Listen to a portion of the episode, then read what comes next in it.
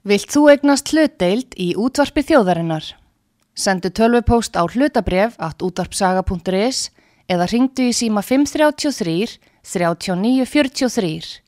Útvarpsaga stendur vörð um tjáningafrelsið.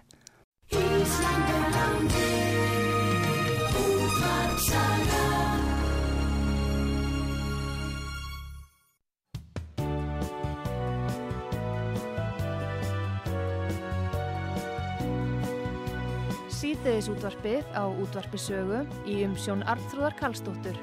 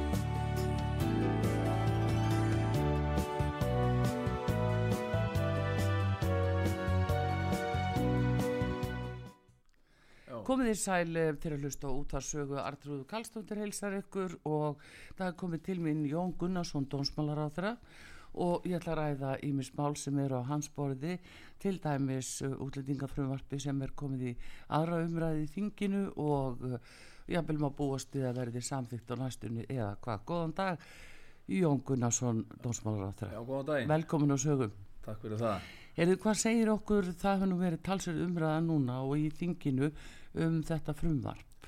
Já, já. Hvernig er þetta að fara?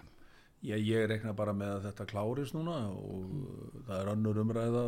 Málu verður kallað indi nefndar mill annar og þriðju umræðu og, og hérna ég er að gera mig bara vonur um að þetta klárist og bara á svona næstu dögum eða fáum vikum, þeim Já. vikum eða eitthvað. Einhverja breytingar sem verða teknar inn eða... Ég á ekki von á því, það er, uh, þú veist, það eru svona ábendingar kannski með einhver orðalagsbreytingar sem að, eitthvað sem þarf að skýra aðeins betur en uh, ekkert mei, enga breytingar sem snúa megin efni frumansins. Nei, en nú hefur komið svona fram þessi gaggrinni annars vegar að þetta er bara að vísa frumvarpunum frá og píratar hafa haft síði frammi þar, jafnvel vinsti grænir, þar að segja ungleðarhefingin eftir fundur og lögadaginn, þeir vilja bara fá þetta út úr þinginu, þannig að það er ekki full eining. Og svo koma aftur á móti hini sem segja að þetta gengur ekki nógu langt, þessu flokku fólksins með breytingatillugu.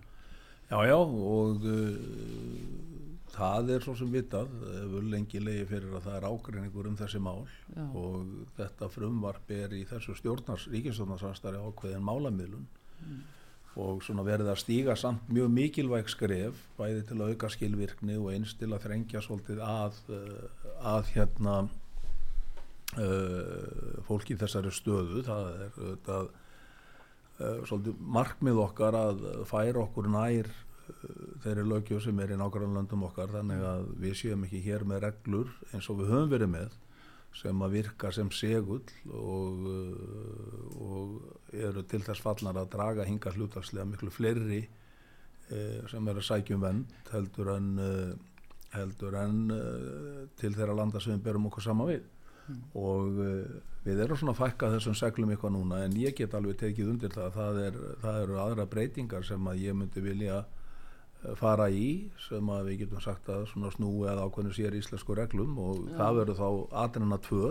Já, uh, ég mun öruglega leggja fram annað frumvarp uh, um þessi útlýningamál svona eftir að þetta verður afgreitt að mm. þá mun ég kynna til sögurnar drögað öðru frumarpi og, og hérna reyna að ná þá einhverju sáttum svona fleiri skref í þessa átt. Ertu þá að tala um að afnema þess að sér íslensku reglu sem að, að margir tala um? Já, þess að segla. Við erum svo sem að gera það hluta til í þessu frumarpi og svo erum við líka að láta reyna á það með breyttu vinnulagi hjá útlendingastofnun Það eru kannski tveir hópar sem eru ábyrgandi stæstir sem eru að koma til landsins og það er annars vegar frá Úkrænu og hins vegar frá Venezuela mm -hmm. Og uh, það ásér bara mjög elga skýringar uh, þessi fjöldi frá Úkrænu og við erum þar svo sem í, við getum sagt bara svona í flútti við aðra þjóðir í hlutfalli en uh, aftur á móti Já, þeir eru, eru kannski að fá mannúðarleif ekki satt, það er Jú, þeir eru, þeir eru að fá við beitum svo að 44. grein þannig að við einföldur svona leið þeirra í gegnum kerfið mm. Og, uh, og hérna uh, það er bara til samræmis að það sem allar aðra mm. reyfarbúð þjóður eru að gera. Uh, aftur á móti eru við búin að vera hér með eftir niðurstöðu kærunumdar útlendingamála þá eru við búin að vera með mjög séríslast ákvæði hvað var þar Úkræn, nei hérna fólk frá Venezuela Já og uh, þar eru við að breyta vinnulagi og fara þá frekar yfir í mannúðarleifi þar sem gildi í eitt ár en ekki þess að svo kvöldu viðbóta vend sem að uh, gildir þá í fjögur ár og er klárlega að virka sem mikill segull mm. og er svona skýring uh, vænti á því sem margir koma hinga hlutarslega. Mm. Við erum að fá kannski uppið þúsund manns frá Venezuela í fyrra meðan að hvert hinnan Orðurlandan er að fá einhverja tíið en að við hundra manns. Já finnst þið það eðlilegt að það sæki þá bara hingað? Nei, ég meina það bara því að við erum að bjóða eitthvað betur hinnir, og hér hafaðu fengið svo kallega viðbóta vend sem því að þau fá hér leifi til fjögur ára fá bara strax atvinnuleifi og svo mm. framvegis. Uh, og hérna við erum búin að breyta frá áramótum ákveðnum vinnulagi í þessum efnum og við erum að fjalla núna um mál hvers og eins og og svo kemur í ljós hvernig úrskorðanemndin uh, eh, tekur þá niðurstöðum hverja, í fyrsta lagi hverja niðurstöður útlendingarstofnun að verða mm. og hvernig kjærunemndin tekur þá þeim málum. Já, nú en á hvaða forsöndum uh, koma þeir, sem, þeir frá Venezuela? Á hvaða forsöndum eru er þeim hleyftinn? Já, sko, saminuðu þjóðunar, flóttamannana stofnum saminuðu þjóðunar skilgarinn af Venezuela sem hættulegt land. Mm, á hvaða forsöndum? Já, það er á það er vantilega bara út af kommunismannum og við getum svo smalur tekið undir það að hann getur verið stórhættulegur þegar honum er misbytt en, eh, en hérna þar hefur bara eh, lífskilir fólks verið með þeim hætti og óöryggi í landinu að flótamannastofnun hefur metið þetta með þessum hætti eh, ég veit ekki hvort það verði einhverja breytingar á því en það eru mögulega í pípunum allavega forsendu breytingar mm -hmm. eins manni að því að nú hefur verið opnað fyrir einhver olju viðskipta aftur og undir hattir saminuð þjóðan á eitthvað að, að hérna, eh, nýta þá fjármunum sem að þar komast þá í gegn eh, til þess að eh, styrkja stöðu svona almennar borgara í landinu mm. eftir, af þeim fréttum sem að lesum þetta og, og þá gætu þetta fórsendur fyrir þessu mati breyst mm. en það er fjöldi mann sem er búið að flýja þarna, ég held að séu talið um 8 miljónir manna flúið og flest af því fólki fenn út til nákvæmlega landa en uh, mikið að ég fer til slatti ferraði til Evrópu mm. og uh, þar tekur spán á móti langflestum Já. flest koma inn til spánar og uh, síðan eru við bara svo þjóð sem að hlutvalslega tekur á móti flestum og erum bara held ég að taka á móti tölulega næst flestum að út af þessu sér ákvæðin sem hér á að gild og við sjáum hver þróunu verður ef að það breytist og, og hérna á spáni er uh, í sjálfur sér eru þetta uh, sögulega mikil tengsl á milli landana og uh, þetta fólk gengur inn í svona að segja sama menningar heim sem trúabröð og tungumálið þetta er ekki Já, vandamálið ja. þannig að börn geta gengið beint inn í skólakerfi og svo framvegis þannig að það er svolítið öruvísi áskorun fyrir spánverðin að taka á móti á hvernig fjölda í þessu heldur en fyrir okkur Já, já, en nú samt Jón uh, höfðu upplýsingar um það að uh, þeir sem er vinni í tólkaþjónustu þeir kvart undan því að ymmit þeir sem eru að koma frá Venezuela í stórum stíl tali ekki ymmit spönsku. Og þeir byggjum eitthvað sem tali arabísku og það sé þar að leiðandi fólk sem eru að koma frá Sýrlandi. Já, í gegnum er, Venezuela það er eitthvað um þetta og uh, ég gerir áfyrir því að lauruglan sé að skoða þau mál uh, rannsaka þau mál. Það hafa verið svona, hefur orðrómur um það það sé sé sem sagt uh, eitthvað um að fólk sé að koma með ný vegabrif nýjútgefin vegabrif sem er í sjálf og sér lögleg vegabrif en talað um að þau séu mögulega keift og, og það sé svona eitthvað uh, mannsal í kringum þetta. Og það auðvitað verður lögreglana kann á að skoða rannsaka og, uh, og hérna það er þá fólkið mitt uh, frá Sýrlandi uh, eða öðrum landum jáfnvel þar í nákvæmni sem að er að einhverju leiti að koma hingað. Og e, það tortir ekki auðvitað málin. Og það þarf að fá þá einhvern botni í það með rannsók hvað, hvað það er á segði, hvað eru forsendur forsendur þessa og hvort eitthvað sé til í því að þetta tengist eitthvað ólögleri starfsemi sem að -hmm. reyndar er áhyggjöfni mjög vaksandi áhyggjöfni flóttamannamálum ekki bara á Íslandi þetta er út um allan heim Já. að það er að þetta tengist að hluta til mannsali og, og þá auðvitað með þáttöku þeirra sem að eru í þessari stöðu að vera flótamenn að, mm. að hérna þessi að borga einhverjum glæbaringjum fyrir það að útvöða sér pappira og koma sér áleiðis mm. og eh, einhverju segja mann nú að þetta sé að vil orðið umfangs meira heldur en bara eitulefja viðskipti mm. gefi af sér jafn mikið eða meira Já, Þannig, og þá um bara er verið að tala um það á heimsvísu en en hérna þetta er áhugjefni og þetta kemur ítrekkað upp þessi mál á fundum sem ég á með ráþurum á Sengensvæðinu mm. Európu ráþurónum og ráþurum Sengalandana mm. og við því verður auðvitað að reyna að bregðast eins og hægt er. Við verðum auðvitað að slá skjaldborg um uh, flóttamannakerfið. Eh, það er samningur sem hafa gerður á sínu tíma á vettvangi saminuð þjóðan og er kannski eitthvað fallegasti samningur eða sáttmálu sem það eru verið gerður. Við mötum að veita fólki vend og þetta átti sér nú rætur öruglega til setni heimstreldarannar. Og þeirra stöðu sem var í heiminum þá mm. og að veita fólki vend sað sem að uh, límir þess eru í hættu í heimalandinu mm. og uh, uh, nú er ber kannski meira á því að að fólk sem er bara hreinlega í leita betri lífsgjafum sé að nýta sér þetta kerfi til að koma inn í lönd vegna þess að uh, ef að fólk óskar eftir vend á landamærum að þá fær það einhvers konar málsmeðferð eins og hjá okkur mm -hmm. og uh, uh, það er oft talað um tilhafulösar umsóknir í þessu samingi -hmm. og og það er eitt af því sem þyrst að bregðast harðar við til að mynda í okkar lögjöf að geta afgært slík mál með miklu meiri hraði mm. og ég er að gera mig vonur um að þetta frumvarp lægi það einhver leiti þó er einslega verið að sína fram á það hvað, hvað gerist. En þannig að það geti þú komið í nýju frumvarpi, næsta frumvarpi? Já, ef við, þurfum að, ef við þurfum að skerpa á því að þá kemur það fram já, þar. Já. Því þetta er líka spurningir um það Jón að ef eins og fólki frá Venezuela sem er nú eh, hérna að koma að það er að koma út af efnarsástandi í Venezuela það er víða ofsalega fátakt og erfileikar uh, hvað eru við að kalla yfir okkur með því að láta þetta viðgangast? Já sko það er alveg rétt hjá þér að að uh, sko niðurstaða úrskorða nefndarinnar úrskorða nefndar útlendingamála byggðist á því að við ættum að veita hér viðbóta vend og, og skilurislösa vend fyrir fólk frá Venezuela og sá, nið, sá úrskurðu byggðist einhverju leiti á efnagaslegum fórsöndum mm. sem að eru þetta raung nálgun mm.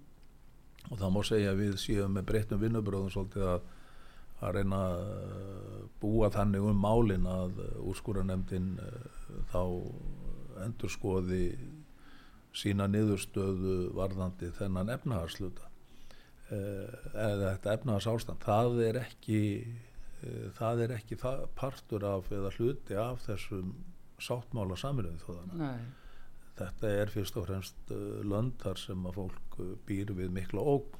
Já. og eins og ég vorðaði það sem að lífið er svo limum er reynlega búin bráð hætta Já, en það en, er svo víða. Já, það en, en, sko, en ekki á efnaðarslegum fórsöndum þetta vegna Nei. bara strís ástand og en, en ef þú ferð ef, ef, Nei, nei, það er, það er það ekki en samt sem áður hefur ógnin verið talin það mikil vegna bara stöðunar í landinu að flótamannastofnun hefur skilgrænt landi sem slíkt og uh, fólk frá Venezuela er meir og minna að fá vend í öllum Európaríkjum Mhm. uh, við erum bara með að segla hér sem að gera það að verkum umfram önnulönd að gera það að verkum að hinga kemur miklu fleira fólk og það eru þessi seglar sem við erum að reyna að kippa úr sambandi. Já, þannig að við séum ekki sko, að bjóða eitthvað betur sem að dreifur til okkar þennan fjölda heldur séum að mista okkur á sama stað og aðrir.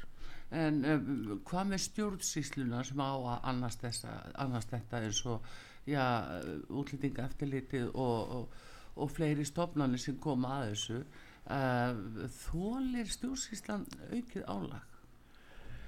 Ég, ég, verð nú, nú að segja það að uh, það hefur auðvitað uh, ef við tökum bara síðasta ár þá erum við með algjört met ár ský, skýrist auðvitað af uh, Úkrænu hluta til og Venezuela en við erum líka að sjá aukningu í raun og veru af flótamönnum eða fólki sem leitar eftir vend frá nánast öllum landsaðin sem við þekkjum. Já, öllum löndu sem við þekkjum.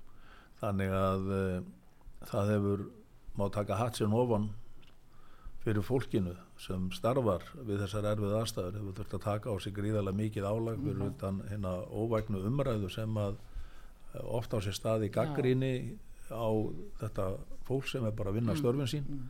Og það nær, svo gaggríni nær mjög ósmeklega inn í þingiðin og alþing íslitinga og ég hef nú staðið upp þar og, og hérna og tekti varnar fyrir þetta starfsfólk sem er bara að sinna sínu störfum. Og ég hef beðið þá fólk í hennum pólitíska tilgangi og í öllu sem að því snýra beina gaggrinni sinni að mér uh, og leifa fólkinu að, að vera í friði. Og uh, þetta hefur auðvitað haft mjög trublandi áhrif eðlilega. En þetta fólk hefur verið að vinna núna við miklar og erfiðar aðstöður við auðvitað höfum bætt í starfsmannafjölda og Mm. þurftum að bæta við okkur húsnæð og reynda að hjálpa til í þeim efnum en álægið hefur verið mikið og þau hafa bara náða að höndla það alveg ótrúlega vel með að við mjög erfiðar aðstæður já, já.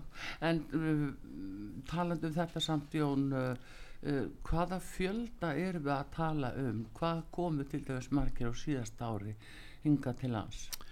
Ég, við erum að tala um að hinga komi á hverju ári eins og, ja, eins og í fyrra sem að nefnur svona íbúafjölda í Vestmanni þetta er svona hátt í 5.000 manns 4.000 og kannski 600 manns eða eitthvað svona og eh, í mínum huga er það alveg ljóst að slíkt getur ekkert gengið til lengdar. Við ráðum innviðir landsins ráðar reynlega ekki við þetta.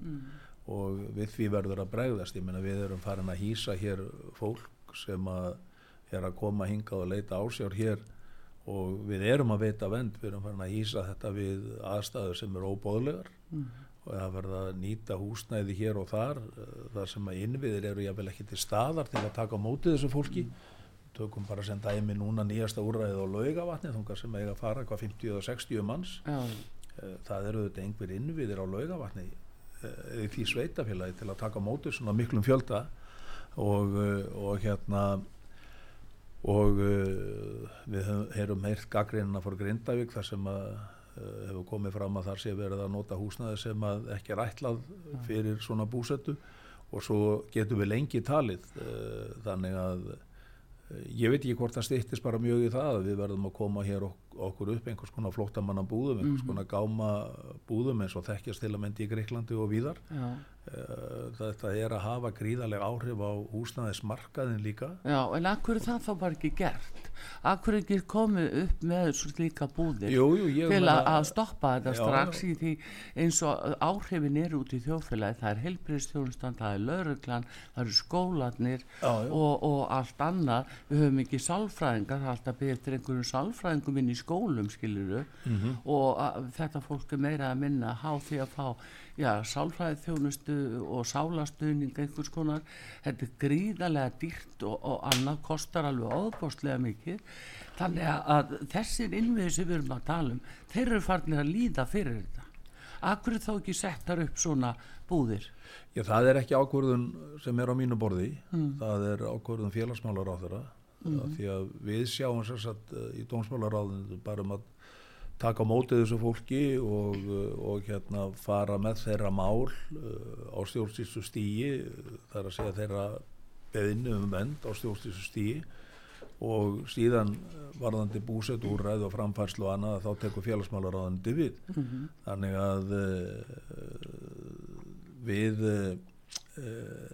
höfum ekki þetta ákvörðunum vald en ég tel þetta orðið einsýnt að það sé ekkit annað í bóði vegna þess að það verður ekkit uh, það mikið láta á þessum fjölda þó við sem að grípa til breyttar úrræð þá verður málið áfram mjög ögrandi mm. við vitum ekkert hver staðan er með fólki frá Venezuela nei hérna frá fyrirgjáðu Úkrænu hver þróunu verður á þessu stríði öll vonust við þetta til þess að það komist nú á friður þarna mm. en það er ekki hægt að eiginlega láta sér dreymum það eins og staðan er að það séu auksín þannig að þá megum við búast við því að þessi ströymur haldi áfram og reyndar uh, tilur flottamannastofnun og fleiri sérfræðingar á þessu sviði telja það að það muni uh, miljónir manna jáfnvel þurfa að flýja Úkrænu á næstu mánuðum og við verðum þá öruglega varfið, vörfið það hér eins og annar staðar í Evrópu.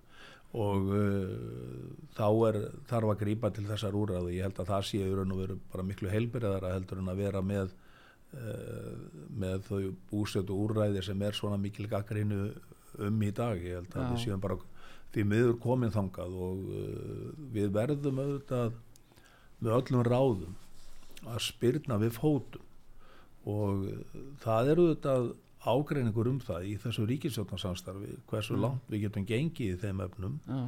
uh, ég legg mikla áherslu á það að standa vörðum vendarkerfið mm. það er að segja fólk sem er umvörulega á að fá vend mm. samkvæmt flóttamanna sáttmúla eða samningi saminuði þjóðana að það fái vend hér og við getum tekið sóma samlega á mótið í mm. en það þarf að spyrna við fótum um að uh, uh, fólk sem er að koma frá svæðum þar sem að ekki er þessi skilgrinning fyrir mm. hendi fólk sem er að koma hinga sem að jáfnvel hefur fengið þegar vend í öðrum löndum mm -hmm. að ég er mjög hardur á því að við þessum aðstæðan þurfum við að bregðast að reyna að draga það úr þessu eins mikið og hægt er og eins eh, auðvitað eh, höfum við verið á undarförnum árum að taka hér einhvern fjölda svo kallar að kvótaflóttamanna það er að segja ja Eh, og ég tel að það sé algjörlega ótímabært að ræða nokkra slíkar hugmyndir við ja, þessar aðstæðu. Ja. Við vorum með ákveðnar hugmyndir á borðinu við, við myndur ríkistjórnarinnar mm. og frá fyrir ríkistjórnum um það að taka móti hér ákveðnu fjölda kvótaflóttamanna en, en hérna ég tel að alla slíkar hugmyndir þurfi bara að vera á ís á meðan að vandamálið er það stórt að við bara mm -hmm. meira en fullt í fangi mm -hmm. Hefur uh, hérna samstagsráþræðin uh, félagsmálaráþræð hefur hann gert grein fyrir því hvað hann ætla að láta þetta fólk búa uh, á það að vera inn á frjálsum markaði eða eitthvað sveitafjöluðin að leia dýrun dómi húsnaði um, hvað er á að búa? Já, þú verður að láta hann eh, svara því hver staðan er nákvæmlega í, í hérna uh, þeim málum en það blasir bara við okkur öllum og hann hefur auðvitað gert grein fyrir þess að vettvangi ríkistjórnarinnar að verkefnið er augrand og erfitt mm. og svo blasir það bara við okkur eh, dagstaglega í fjölmiðla um fjöllun hver staðan er, það verður að reyna að leita eftir samningum við sveitafjölu og og uh, sveitafjölug uh, treysta sér ekkert lengra í þessu að það komið er, ég menna Reykjanesbær er búin að loka sem hefur nú tekið ansum mikið fjölda, ég held að 30% íbúa þar mm. séu Ellundubergi brotnir uh, við sjáum að Hafnafjörðu var að setja einhverja hurð fyrir núna með einhverjum lokafjölda sem Já. þeir eru tilbúin að taka við Reykjavík sagðist nú alltaf að taka móti 1500 mm. manns á þessu ári mm. ég ætli það séu þá ekki svona tveir leikskólar sem þurfa að byggja fyrir mm. vögnin sem er í þeim hópi Eh, þú veist eh, þetta blasir eh, þetta liggur í augum upp mm. að þetta er óviðráðanlegt. Við erum bara í þeirri stöðu að þetta er óviðráðanlegt. Og og hérna ef við horfum á þetta þannig að geta tekið sómasamlega á móti þeim sem við eigum að taka móti og viljum taka móti þá verðum við að reyna að stemma stígu við öllu öðru sem við getum stemt stígu við. Og uh, það er það sem ég er að reyna að vinna. Að reyna að standa í lappinu Þú hefur einmitt látið þau orðfalla Jón að, uh, að þú sjáur ekki betur en að þetta sé bara stjórnlaust. Og það er nú sumi sem hafa sko tekið því mjög illa þeim umvalið Já, já, og uh, aftur erum við bara í máli sem er djúbstæður ágreiningur um. Já, ég stend við það út frá því þeim forsendur sem að ég gemmir að þetta sé stjórnlust. Það er margt í kerfinu sem að er þannig að uh, þegar að við erum með einhverja niðurstöðu kærunemdar til að mynda frá varandi fólk sem er að koma frá Venezuela sem að bara gerir það að verkum að það er bara óheftu ströymur inn til landsins og ég hef engin verkværi í verkværakistunum til að bregðast við. Uh, að þá tel ég það vera stjórnlust Eh, þegar að við bú, höfum búið við það að fólk sem að hefur jáfnvel verið brottvísa hér hefur átt að fara úr landi og uh, að því að það er búið að fá niðurstöðu í sínum málum á tveimur stjórnslýstu stigum, fengið höfnun Já. sinjun á sinni umsókn. Á, er það, þar með í ólögmættri dvöl í landinu neytar að fara, við höfum brottvísað því það er sem við þurft að beita þá þvingunarúraðum í að flytja það úr landi með tilherandi kostnaði og svo verður það komið hinga stuttu setna aftur Jafnvel með sömu og, vél og lauruglumenni. Já, ég segi það nú kannski ekki, en ok, menna það er bara komin einhver hluti af því að koma aftur, sækir um og fer aftur í gegnum ferli. Já. Þetta er það sem ég kalla stjórnleysi, þegar við ráðum ekkit við þetta, við brottvísum, fólk er bara komið aftur.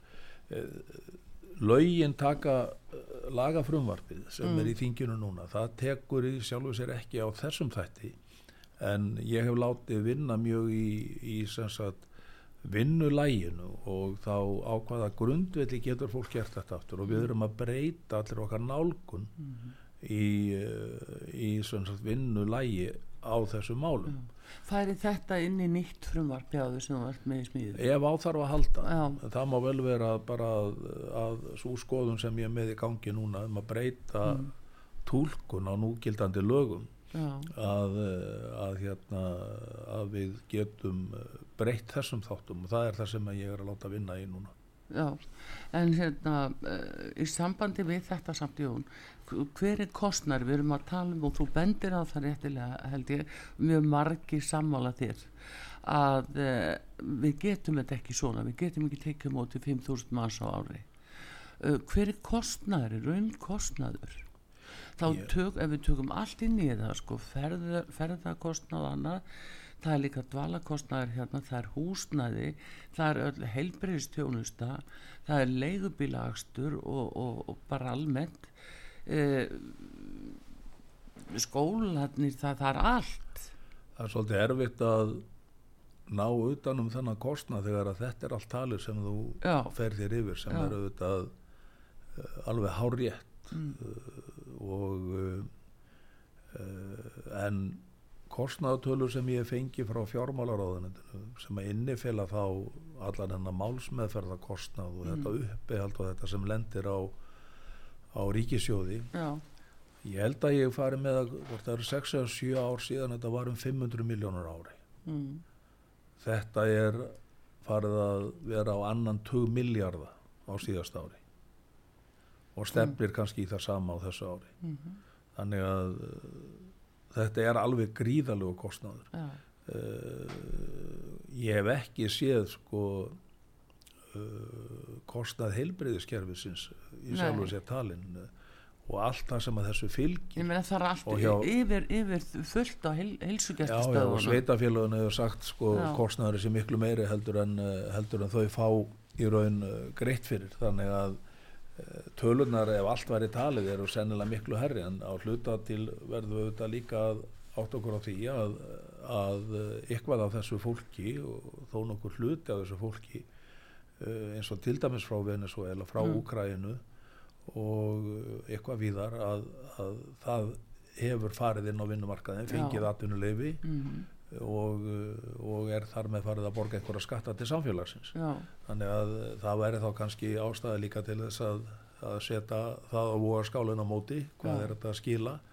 Uh, en við viljum bara ekki að þetta flóttamannakerfi sé að nota til þess að komast inn uh, til þess að fá dvalar og atvinnuleifi. Það á bara að vera að mínumati og okkar í sjálfstæðisfloknum opnara kerfi. já, Það er að segja fólk sem vil koma hingað til þess að vinna, já, til þess að borga hér skatta og skildur, já, að svo leið eigi að vera greiðari fyrir fólk utan Evrópu svæðisins já, já, við auðvitað erum með uh, frjálsa för. Já, já. við erum með aðgang að 500 miljón manna vinnumarkað Jú, það er fjósfrelsið innan eh, ES. eh, já, e, akkurat mm. og grundvill eftir samningsins og, og hérna og eða samningsins og hérna uh, og uh, þannig eru þetta að koma mikill fjöldi Mm. hingað. Uh, við erum átt okkur á því líka að þeir sem að fá hér vend til að mynda sko, það er ekki bara svo fjölskylda sem kemur eða þeir einstaklingar sem koma vegna þess að í kjölfari koma síðan til fjölskyldusammenningar Já, já, og þannig geta komið uh, nokkrir og Já. jáfnvel nokkuð margir til viðbótar sem um er að ræða jáfnvel fóreldra, börn, maka og svo framvegs þannig að uh, og svo erum við með skólakerfi sem að ræður ekki við þetta og við sjáum afleiðingar af því til lengri tíma hvað, hvað við höfum mm, átt erfitt uppdráttar í því að raun að láta þetta fólk aðlagast íslensku samfélagi. Mhm, þannig að það er víða sem þarf að taka til hendinni. Já, já. Með tilherandi kostnaði. Já, með tilhengandi kostnað og það er þetta með kostnaðatölur skiluru, það virðist vera erfitt að, að láta taka það saman en, en hérna en þessa tölur líka þó allavega fyrir sko þessi munur að sem var nokkur hundru miljónir hér fyrir fáum árum síðan mm er farin að telja á annan 20 miljardar annan 20 miljardar sko ertu þá að tala um 11 miljardar eða Já, ég- það 15 var- miljardar Ég held að fjármálar að 18 miljardar Nei, ég held að fjármálar að það hafi verið nefnt á síðast ári þá hafi þetta farið eitthvað yfir 10 miljardar Ég hef ekki séð nákvæmara uppgjör heldur en það. Já, já. en þetta líka fer fyrir brjóstið á mörgum íslendingu sem hér- hér uh, búa og, og, og bara því fólki sem hér býr eins og eldri borgara sem fá ekki leiðrætt uh, sín kjör og, og velferðarkerfið er vissulega í hættu út af þessu Hva, hvað segir þið um það? Já, ég meina að það gefur auga leið að uh, ef við ætlum að fara að búa við það að hinga komi sem nefnur íbúa fjölda Vestmanei á ári Já, að uh, þá sjáum við bara hvað þarf í kringum það í Mm. heilbriðiskerfi og öðrum félagslegum kerfum og þetta er kannski ekki þetta er ekki síst kannski fólk sem þarf einmitt á að stóða halda á þessum uh, innviðum þar að segja heilbriðiskerfi og félagslega kerfin okkar mm. fólk Mhm. sem kemur oft úr erfiðum aðstæðum og, og svo það gefur bara auga leið veist, það, það þarf ekki að vera að velta þessu fyrir sig Nei, er- kemur úr erfiðum aðstæðum Nei, já, ég meina að veist að þetta veldur gríðalegu álægi á alla innviði Já, Já, ég er að segja það og miklu álægi á heilbyrðiskerfið núna er með þess að heilbyrðisáþur að bóða það að það þurfa að breyta gjaldskrá á hérna uh, livjumjabel og, og uh, læknistjónustu Mhm. uh, það er lungbiðin og heilsugæslustöðum. Uh, lækna voru með rástefnum daginn í hörpunu þessu bara að heimilistlækna væri að, að niðurlótum komnir út af álægi og, og hvernig þetta væri stór hluti útlendinga fer þanga svo framlega sem þeir ekki upp á bráðamóttöku sem er löngu að verða óstarfæð út af sko þessum botlisu heimsögnum þanga já, já, ég meina þetta er bara staðan við, uh, þessin er ég að reyna að bregðast við Já. að við verðum að spyrna við fótum mm. Á meðan aðrir kollega mínir á þingi sem er haldað því fram að við eigum, þetta sé bara ekkert vandamál og við eigum bara vel að geta að höndla þetta og vilja opna landamæri jafnvel enn meira Já. þessin lengst vilja ganga já, já, já, já. uh, hv- hvaða sín eh, eh, hvernig virkar það á þig ef að þetta opna landamærin alveg Nei, þetta meina, hefur heist í kringum vinstri græna og þið eru stjórnarsamstari með þeim hvernig gengur það? Þetta hefur nú, uh, ég hef nú ekki fengið uh, skilabóðan þetta frá okkar samstagsfólki í vinstri græn. Mm. Nei, það, uh, ég hef ekki heyrt neitt nú þeim flokki verið að tala um svo kallað open borders. Mhm. Þetta er meira úr þeim sem eru, já, ranni pírata og, og mér finnst nú viðreistnar uh, þingmenn allavega hluta til tala mjög óljóst í þessu. Uh, það er svona erfitt að átta sig á sko, hvaða reglur þeir vilja hafa Mhm. en uh, það er alveg ljóst að uh, að við deilum ekki söm skoðunum í þessu öllu leiti við og vinstri græn ég menna þar er ég myndi vilja ganga lengra í þessu og, og heldur en heldur en fólk á þeim bæ allavega margt hvert og, og þá byggir það á því að ég tel að við uh, þurfum að að uh, spyrna við fótum með því að vera með lögjöf sem er án þess að vera með segla umfram önnu lönd, bara Mhm. öllu leiti Mhm. við þurfum að í raun og vera að fara í, í svona fyrir ekki það sem þekkist í Skandinavíu meira sem uh, svona harðari stefna Já, og við höfum verið að horfa til Noreg sem að hefur náð ágættum árangur í þessu svona í okkar samanbörði og okkur vantar þó nokkuð upp á það að geta náð þeim í, í vinnulagi þessu við, já, já. við þurfum til að mynda mjög nöðslega að koma hér upp uh, bæði brottfarar aðstöðu Mm. það er að segja aðstöðu fyrir þá sem að eiga úr landi Mm. Uh, þar sem við getum þá uh, haldið fólki í tilskilin tíma Mm. meðan að verður undirbúa brottfjörð þess og, og sapna því saman til þess að geta gert það með sem hagkvæmastum hætti og við þurfum einnig að mínum mati að koma upp ákveðnum móttöku uh, búðum eða hvað ég hafa kallað það mm. móttöku miðstöð Mm. uh, helsa næst vellinum þar, þar, þar sem flestir koma í gegn og uh, þetta er umverulega það sem við eigum að uh, koma upp uh, samkvæmt Sengen sáttmálanum eða Sengen samningnum og landamæra samningnum okkar. Og uh, við höfum komast upp með það að gera það ekki vegna þess að fjöldin var ekki það mikill hér. En núna þegar fjöldin er svona mikill þá er þetta orðið eiginlega útilokað annað að við gerum þetta. Og það eru öll önnur lönd já. í Evrópu eru með svona uh, sendera. Þú sér nú hvernig þið farið fyrir svíjum sem voru með opið borgar. Uh, þeir bara opnuðu allt og nú bara berjast svíjar við það að fá að tala sænsku nánast í sínu landi. Þetta er, þetta er óalda sem gengur þar yfir að glæpum og öðru slíku. Það eru sko átök á milli hópa sem hafa flust til landsins. Þetta er mjög alvarlegt. Uh, menna er þetta ekki eitthvað sem við þurfum bara að taka mjög alvarlega hér? Já, ég er að því Já, og uh, þróunin í Svíþjá sem er auðvitað margra ára þróun, hún er uh, svona hverði vítið til varnaðar í þessum efnum. Uh, Svíjar hafa þessu leiti mistök á málum og nú er, uh, getur maður sagt, margur Svíin búin að fá nóg Já. og uh, það sést kannski best í niðurstu síðustu kostninga í Svíþjóð. Meina um þessi mál er kosið í Evrópi í dag. já, og, uh, og hérna uh, þeir eru að búa miklu harðari viðbröð heldur en hafa þekst hjá þeim Mm. allavega í fjölmörg ár.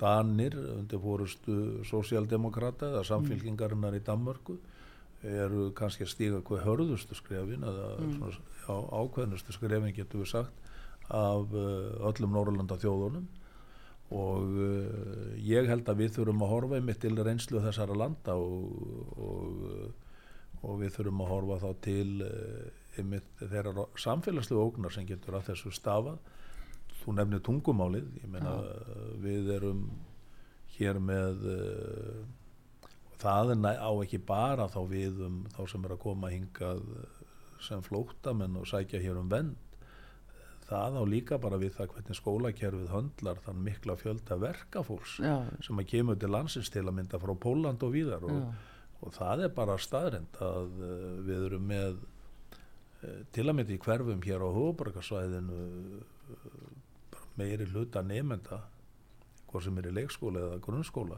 Mm. sem eru á Ellendubergi brotnir. Mm og það eru mikli tungumála örðuleikar og þetta unga fólk er jáfnvel ekki að læra íslenskuna Uh, skólakerfið er að hreinlega ekki að ná að höndla þetta með að við núverandi ástand. Og þetta hefur barna og skólamálar á þeirra nokkar ávarpað ítrekkað og menn eru þar með hugmyndir og s- samstarfa milli félagsmálaráðundis og, Mm. og skólamála yfirvalda og barnamálar á þeirra hans að, að reyna þá að bregðast við þessu en aftur við að tala um gríðanlega kostnað já, já. en þannig er þó um að ræða kannski fólk sem að hefur komið til landsins til að vinna og, og, og er jáfnvel að vinna og við mögum ekki gleyma því að við erum í þörf fyrir mikið vinnuafl Mm. uh, og, og hérna höfum aðgang að, eða fólk hefur aðgang að þessari frjálsum förin að Evrópu. Það er líka bara alveg sjálfstætt vandamál hvernig við ætlum að höndla það inn í okkar heilbriðis og skólakerfi og slíku en, en uh, þannig erum að ræða fólk þó sem er að koma inn á vinnumarkaðin og, og við þurfum á að halda Mm. og við höfum líka lagt á það áherslu að, að það er í með sérfræði störf sem að okkur vantar fólk í sem að uh, við þurfum þá að greiða leið til landsins fólk sem er að koma jáfnvel með mikla þekking og reynslu til landsins inn á uh, jáfnvel inn á nýjan vettvang uh, sem að getur verið okkur þjóðaslega Já, já, það, það eru það gildir jæmt um alla þar Já. en það sem er En kannski þannig erum við aftur á móti með þröskulda sko. Já, og það er annað jón bara en við förum í öllusingar hérna að þá langt maður að nefna það við þig að því það er nú kjara deila þannig út af eblingu núna þar sem að félagsmenn eru svona að, stærstum hluta af erlendu bergi brotnir.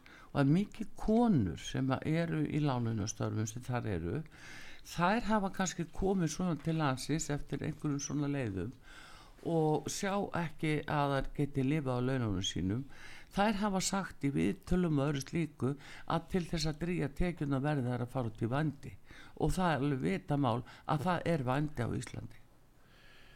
Já, þannig ertu komin aftur að því sem að ég uh, ávarpar sem skipilaða glæbastarfsemi Já, partur af því. uh, og hérna þar eru þetta kannski hvað stæst sko mannsal vændi og, og, og eitulifja uh, sala, Já. innflutningur og, og sala Ég ætla að ræða þann blimit við þig hér eh, Jón Gunnarsson dómsmálar á þeirra eftir auðlýsingarlega sem við erum að fá núna fyrir að hlusta út af sögu Artrúð Kallstóttir hér. Síðdeðis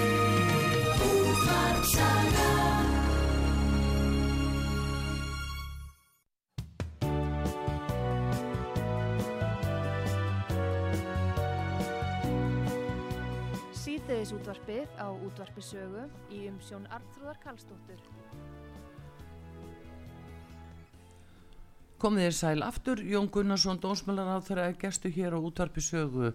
Við vorum að byrja að tala um skipulega glæpastar sem er Jón og það er nú kannski ekkit láta slíkum fréttu sem við erum að, sjá hérna.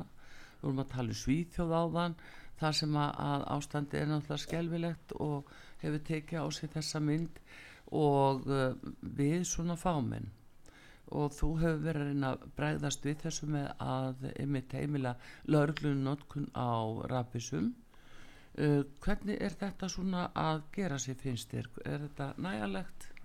Ég sko í fyrsta lagi þá uh, uh, var þetta svona eitt af þeim fyrstu málum sem ég tók til mjög alvarlegra skoðunar í ráðunettuna því ég kom þangað fyrir rúm ári síðan Mm. og uh, uh, Ríkislauruglustjóri er búin að vara við þessu núna í já, sex ár Mm. uh, hversu hættuleg þróun er að eiga sér stað í íslensku samfélagi þegar Mm. kemur á skipulegri brotastarfsemi og því að hér sé að skjóta rótum uh, skipulaðar uh, mafjur uh, með tengsl við lönd erlendis á önnu lönd Mm. og hérna eru þá að stunda hér uh, skipulaða glæpa starfsemi við hefum fengið uh, upplýsingar um þetta þaðan stutt af upplýsingum frá samstarfslöndum okkar, laurugliðu völdum þar. Og ég það hefur lítið verið brugðist við í þessu. Mm. uh, svo ég uh, orðaði nú þannig að ég ætlaði svona að stíga mjög fast til jarðar í þessu orðaði það nú einhvers stað þannig að ég ætlaði að fara í stríð við skipulaða gleparstarfsum í landinu. Mm og uh, það var staðan var uh, kynnt mjög vel á síðasta ári bæði fyrir alþingismönnum uh, sem að lauruglu ennbættin til að mynda hér á höfuborgarsvæðinu bæði ríkis lauruglustjóri og, og, og lauruglun á höfuborgarsvæðinu -hmm. Uh, buðu svona stingmönnum í heimsókn og, og tóku svolítið plásturinn af voru að sína mönnum í raun uh, fram á það hver staðan er og eins voru fórustu með ríkistjórnarinnar að þeir fengu alveg sérstaka yfirferð á þessar alvarlegu stöðu Mm. og uh, uh, þetta var svona þáttur í því að opna svolítið augu fólks fyrir þessari, þessum alvarleika og, og það skilaði sér í því að við fengum verulega aukningu á fjármagni til örglunar á þessu ári og inn í Mm. framtíðina. Og uh, nú erum við að vinna heilmiklu skipularsbreytingum í samvinnu við lauruglustjóra ennbættin lauruglustjórana og uh, erum að efla mjög svona hérna almennu löggjæslu og getur lauruglunar til þess að eiga við hinn almennu lögjastlu og sínu verkefni. Og síðan eru við að fara að fjölga mjög í ranni þeirra sem að eru með, fara með rannsókn og saksókn í uh, málum sem að snúa skipulari glæpa starfsemi og þá öryggi eða þeim óknir sem að standa að, að réttaríkinu og, og hérna það er svona þá uh, verið að tala þar um hriðverkastarfsemi mm. og allir við séum ekki að við höfum verið svona með eitt uh, teimi starfandi í þessu, við erum að fara í fjögur til fimm teimi, við erum líka að uh, setja fólk til starfa át í Evrópu, bæði hjá erum nú með fólki á Europol en erum að fara inn í líka það sem kallast Eurojust. Þetta er svona samstagsvettvangur bæði saksóknar og lauruglu í Evrópu. Það er líka fyrir mikið upplýsingu sem við þurfum að vera með fólk á staðnum til að vinna úr til þess að geta nýtta sem best í okkar rannsóknarstarf og, og slíkt hér heima þannig að uh, þetta er nú bara eitthvað sem að verður kynnt uh, frekar núna í februar Já, og uh, er bara að gera sig. Uh, á síðast ári styrtu við verulega starfsemi lauruglu höfuborgarsæðis þegar kemur að kynbund og ofbeldi Mhm. og rannsóknum á kynfyrirsafbrótamálum og ofbeldismálum og það er að skila sér í miklu, miklu betri málsmeðferðarhaða Mm. uh, og uh, það er að verða bara mjög ásættaleg staða í þeim erfiða málaflokki.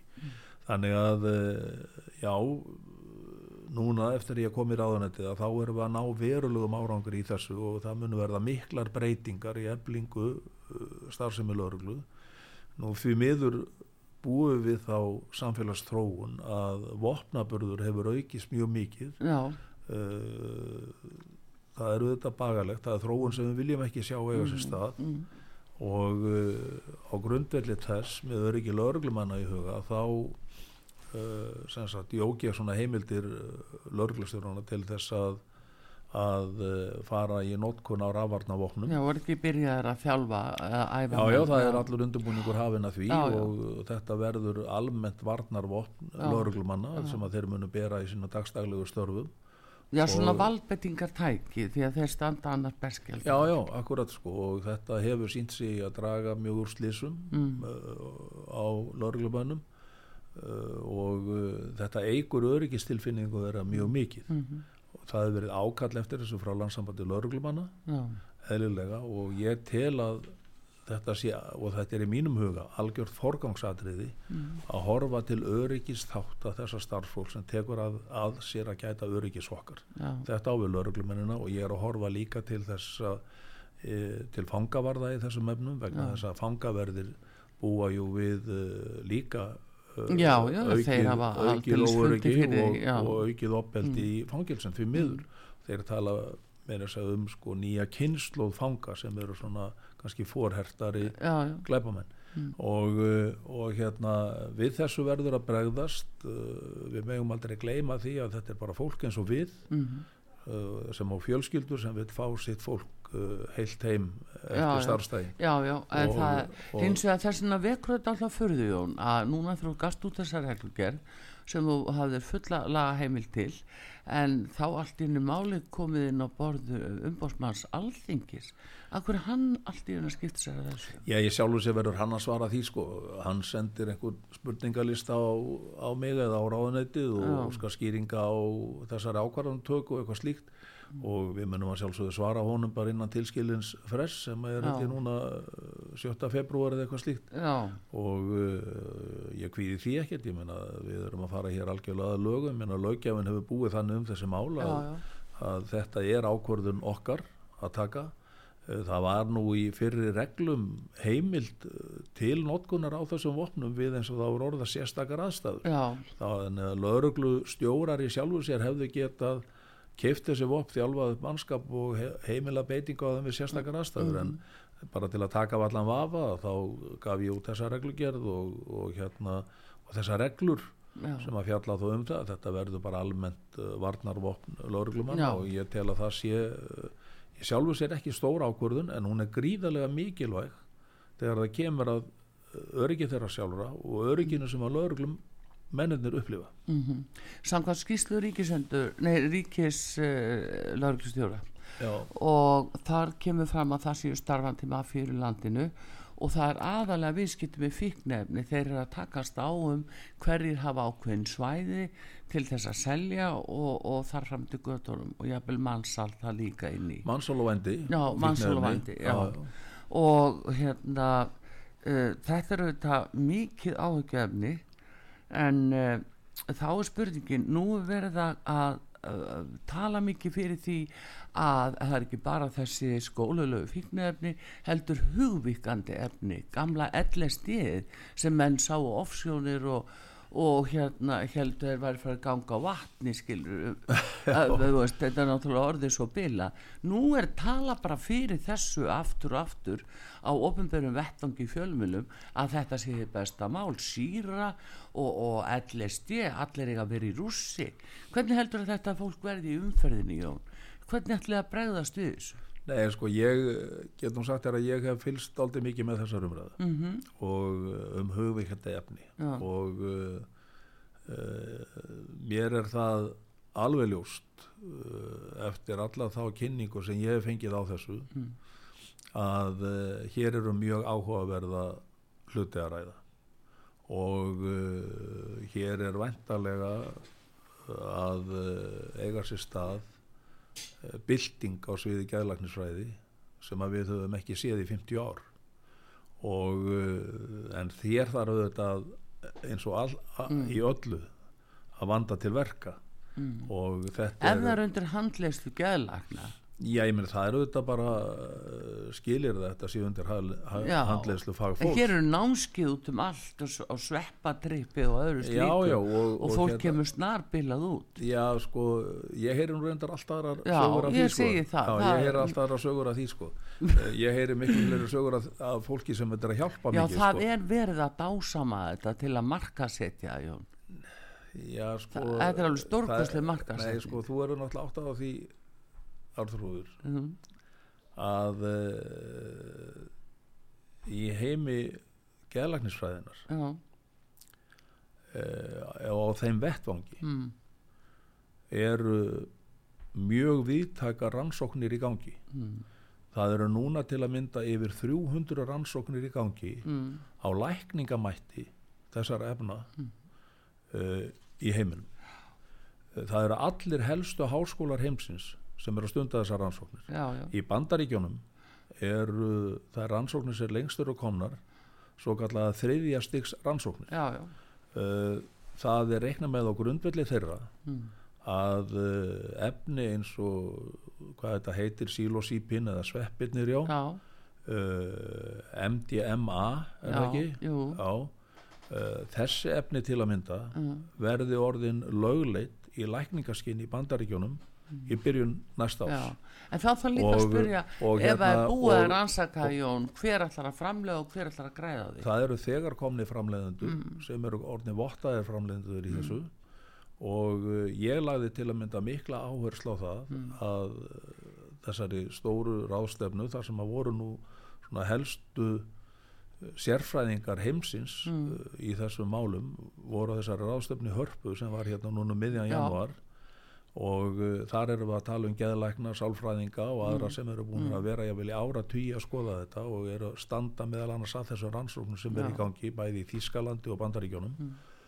og ég hitti þetta fólk, ég hafi ekki tök á því að sitja ráðstefnuna sjálfur en ég laði áherslu á það að mitt fólk færa þetta til að mynda fólk sem er í meðferðarmálum í fangelsum ja. landsins og uh, frá lauruglunni og, og reyndar úr áðunetunni líka til að fylgjast með þessu og það var mjög margir heilbriðis starfsmenn sem að voru þarna og mörgum geirum uh, heilbriðis stjætta og, uh, og það er bara mjög áhugavert að hlusta á þetta fólk. Ég hitti eftir ástæfnuna nokkara af þessum helstu sérfræðingum að það var nú bara áhugavert viðtali í gær við þeirra í í hérna Ísland í dag Já það er bara rosalega og, verið að tala og, fyrir þessu, þetta er bara hérna, áróður ég, Já sko áróður já. það er bara verið að Rannsóknum hefur ekki verið lokið sko Nei sko þú eru átt á því þegar að rannsóknir sem eru orðna svo kallega þriðjastir rannsóknir sem já. eru algjör að loka rannsóknir já. að þá liggur alveg gríðalega mikið þekking og niðurstaða þegar fyrir Já já jú, jú, jú, og uh, það sem að mér finnst merkilegast við mm. þetta að það er svo bilding sem menn eru að bóða þetta geti haft í gerlangsfræðinni sem að er stórkostleg. Já og það, er er- eru, sko. og það eru menn sem segja við mig í þessum efnum mm, að þetta muni spara íslenska heilbriðiskerfuna heilbriðiskerfum yfir höfuð já, 10 miljard á ári vegna þess að þannig er ekki um að ræða liv eða meðferðir af því að þetta er ekki bara einhver þú tekur ekkert bara svona efni og læknast eins og þessu var líst ágætlið þessu viðtala og stöðtöðu mm -hmm. og uh, heldur þarftu að eru þetta meðferðarúræði þetta er Þetta er, uh, þetta er svona þryggja mánada, þryggja fjögra mánada meðferðarúræði sem er blanda af lífjum og viðtalsmeðferð. Og uh, árangurinn er alveg ótrúlegur og, uh, og hérna uh, ég held að við uh, sko eigum að fagna slíku og hafa bara um, umræðuna opna já ef, ef, ef að reynslan verður svo leifaðum að klára rannsókn.